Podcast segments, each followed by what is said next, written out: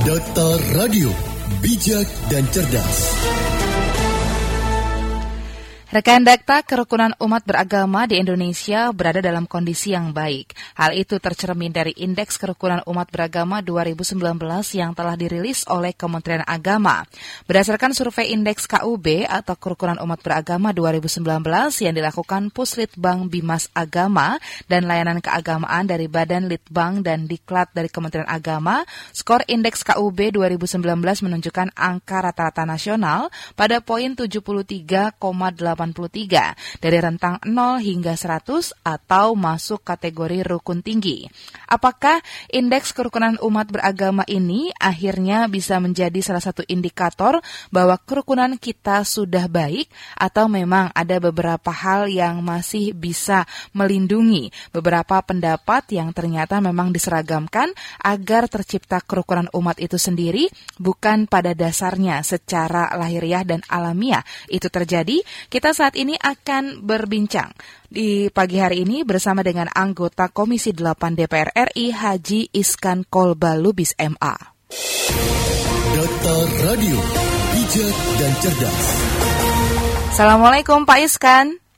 Waalaikumsalam. Pak Iskan, indeks kerukunan umat beragama, apakah efektif menunjukkan bahwa masyarakat Indonesia ini rukun dan tanpa ada pencitraan begitu Pak, tanpa ada uh, pemaksaan bahwa semuanya harus seragam dan rukun? Kalau masyarakatnya rukun ya, karena di bawah itu kan ada forum komunikasi umat beragama, seperti PKS sekarang menjalin hubungan dengan Persatuan Gereja Indonesia. Masyarakatnya rukun. Yang tidak rukun itu uh, elit-elitnya. Mereka kan membuat semacam terjadi konflik internal di masyarakat untuk pertama untuk mengalihkan isu, yang kedua untuk menghilangkan uh, kelemahan-kelemahan ekonomi dan dan yang ketiga isu itu juga proyek juga di kementerian karena dengan adanya isu itu kan dia bikin program kemudian pejabatnya sering ke daerah naik pesawat naik hotel tetap saja masyarakat susah hmm. untuk tetap aja apa pejabat-pejabatnya nah. Pak, kalau dilihat ya Pak ya, ini kan memang katanya kerukunan kita sudah cukup tinggi karena ada poin 73,83. Yang menjadi pertanyaan kali ini sebenarnya bagaimana Pak faktor-faktor untuk bisa menentukan indeks kerukunan umat beragama itu? Apakah Bapak juga mengetahuinya Pak? Jadi indeks itu kan uh, pertama kita harus membedakan antara sifat beragaman orang yang kita sebut dengan uh, sifat ibadah dia dengan religi. Religi adalah uh, sifatnya sosial, toleransi, ya kan kita toleransi mm -hmm. kebersamaan. Kalau kita lihat, kita analisa daerah-daerah yang konflik, pasti di sana banyak sumber daya alam. Di Papua, di Maluku, di Aceh dulu kan, di di tempat-tempat memang di situ banyak cukong-cukong juga. Jadi memang untuk mereka tidak sadar untuk mengambil kekayaan alam itu eh, dibuat juga konflik begitu. Nah, kalau kita lihat di daerah-daerah yang banyak etnisnya, katakanlah seperti di Sumatera, etnisnya lengkap. Jawa ada, China ada, India ada, Batak ada, justru rukun. Karena di kota daerah Sumatera Utara itu tidak sebesar di Papua dan di Kalimantan itu itu apa. Uh, terus yang kedua sering terjadi konflik itu ketika ada cukong-cukong tanah ingin membebaskan sekian puluh ribu, dibuat konflik di situ, dibuat masalah, dibuat itu jadi lama-lama ribut, tiba-tiba dia enak ini kan. Jadi itu sudah kelihatan kok polanya. Jadi ketika uh, membuat indeks, membuat survei, dia tidak mengetahui realitas sosial, realitas politik, itu juga tidak efektif. Terus yang ketiga, kan banyak terjadi uh, di di pilpres pilgub itu mm-hmm. terjadi semacam polarisasi. Tapi itu kan sementara aja. Dan masing-masing uh, pemerintah juga memakai itu juga memakai cara-cara seperti itu juga. Artinya kalau kita lihat umpamanya hoax hoax di, di itu itu di di di medsos itu kedua belah pihak bermain semua. Kita kita udah paham kok itu semua. Jadi jangan sampai pemerintah juga ikut uh, membuat suasana yang yang tidak kondusif. Mm. Orang semua tahu kok di Indonesia ini uh, negara yang sangat. Jadi uh, baru-baru ini saya melakukan analisa di Singapura itu dia bilang tempat yang paling enak bekerja itu di Singapura karena memang fasilitasnya hukum jelas. Tapi mereka bilang orang Singapura tempat yang enak hidup hidup untuk hari tua itu Indonesia. Nah, itu membuktikan bahwa Indonesia itu sangat sangat ramah, sangat welcome, sangat apa gitu. Kalau kita kita pergi ke eh, daerah-daerah di Jawa itu orang asing datang pasti disapa, padahal dia nggak bisa bahasa Inggris kan. Dari mana mas? Gitu ditanya. Mm-hmm. Itu orang semua tahu bahwa Indonesia sangat bangsa yang sangat sangat majemuk dan sangat sangat apa namanya sangat toleran dari dulu ya.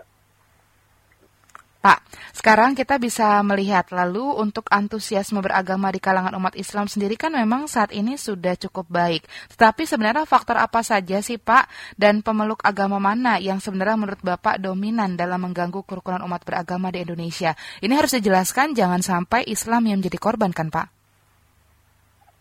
Iya sih, uh, Islam sih kan di Indonesia juga Islam mayoritas ya kan? Betul. kan tidak mungkin lah uh, uh, orang seenaknya juga.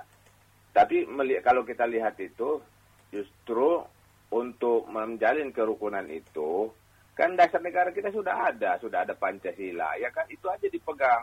Sana harus ada. Yang jadi masalah selama ini uh, uh, per, itu hubungan antara agama dan negara ini memang harus diskusi panjang ya. Mm -mm. Jadi sering kali memang orang-orang yang punya kekuasaan itu dia ingin juga mengkooptasi pemikiran-pemikiran orang. Nah, kalau dia begitu termasuk termasuk termasuk dalam masuk ke agama, itu pasti konflik. Karena kan agama itu ada di hati manusia. Itu di seluruh dunia terjadi perang. Agama itu nggak akan habis. Tuh. Pernah pernah perang Tatar, perang Salib. Islamnya tetap ada, Kristennya tetap kuat, Yahudinya tetap ada agama ini sudah ada di hati manusia, tak usah diganggu lagi, itu pasti dia bertahan. Nah, kadang-kadang kan itu justru ketika satu negara, eh, negara itu kan bukan benda mati ya, mm-hmm. paling utama negara itu kan pejabatnya, birokratnya. Ketika dia masuk terhadap uh, agama-agama terlalu internal agama, itu pasti terjadi konflik. Di Eropa kita kenal dengan konflik antara Katolik dengan sekuler, di Amerika Latin, di mana-mana itu memang terjadi. Tapi kalau di Indonesia ini kan agama itu sudah ditetapkan di sila pertama ketuhanan yang Maha Esa. Nah, maka biarkanlah apa namanya terminologi agama itu oh, ber, ber apa namanya ber, bebas melakukannya.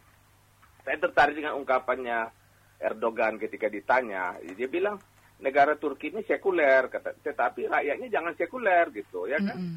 Artinya sekuler di situ negara harus melindungi semua tanah air tanpa melihat rasnya, agamanya, warna kulitnya, hidungnya, itu semua yang rambutnya keriting, itu semua makhluk-makhluk Allah, ciptaan Allah, jangan dibedakan.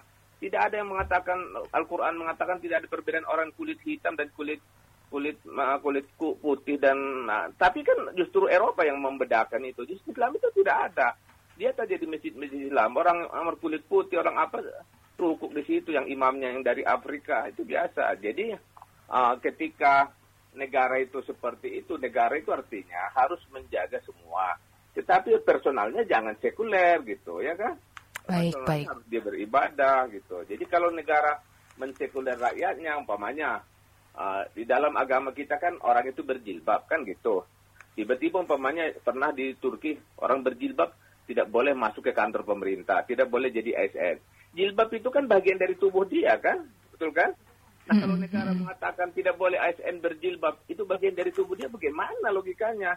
Itu kan berarti negara sudah mengkooptasi terminologi agama. Jadi berpakai itu adalah hak orang. Yang penting pemerintah apa? Perlu keamanan. Kalau orang pakai nikab bikin alat keamanan situ, dicek dulu lewat harus melalui itu. Asal tidak ada diskriminasi kan gitu. Baik. Lewat harus melalui alat. Boleh saja pemerintah itu kan tugasnya mengamankan, tapi dia tidak boleh memaksa umpamanya pakaian orang. Sebagaimana kita tidak boleh memaksa umpamanya orang-orang yang nah, Katolik dia harus pakai jilbab kan nggak boleh juga. Pak, tapi menurut Bapak kredibilitas dari tim survei di indeks KUB ini sudah berjalan dengan baik atau bagaimana Pak kalau dari hasilnya sendiri? Survei ini juga banyak banyak saya banyak teman-teman tidak terlalu percaya survei ini karena dia ada ada investornya, ada yang memberikan apa ada yang itu bolehlah sekedar sekedar apa data awal dikonsus juga dengan yang lain. Tapi bukan ketetapan ya Pak? Dan kita banyak data-data kita ini nggak tepat kok. Kemarin BPK mengatakan data 5% pertumbuhan, tapi sekarang semuanya turun. Kok bisa terjadi pertumbuhan? Ternyata surveinya itu 20% dari provinsi yang ada. Dari provinsi itu hanya 20% dari kabupatennya. Ya, gimana survei begitu? Karena susah itunya. Jadi uh, survei itu ya sekedar sekedar itulah sekedar uh, wacana tapi itu perlu didialogkan. Dan survei itu kan sangat terkait dengan uh, model pertanyaannya seperti orang pamannya jemaah haji. Uh, apakah Anda puas dengan pelaksanaan? Pasti dibilang puas, ya kan? Karena uh, kalau dia bilang nggak puas, dia dikatakan dia tidak sabar, tidak nanti hajinya tidak mak mak makbul, kan begitu. Pertanyaannya jangan begitu, ya.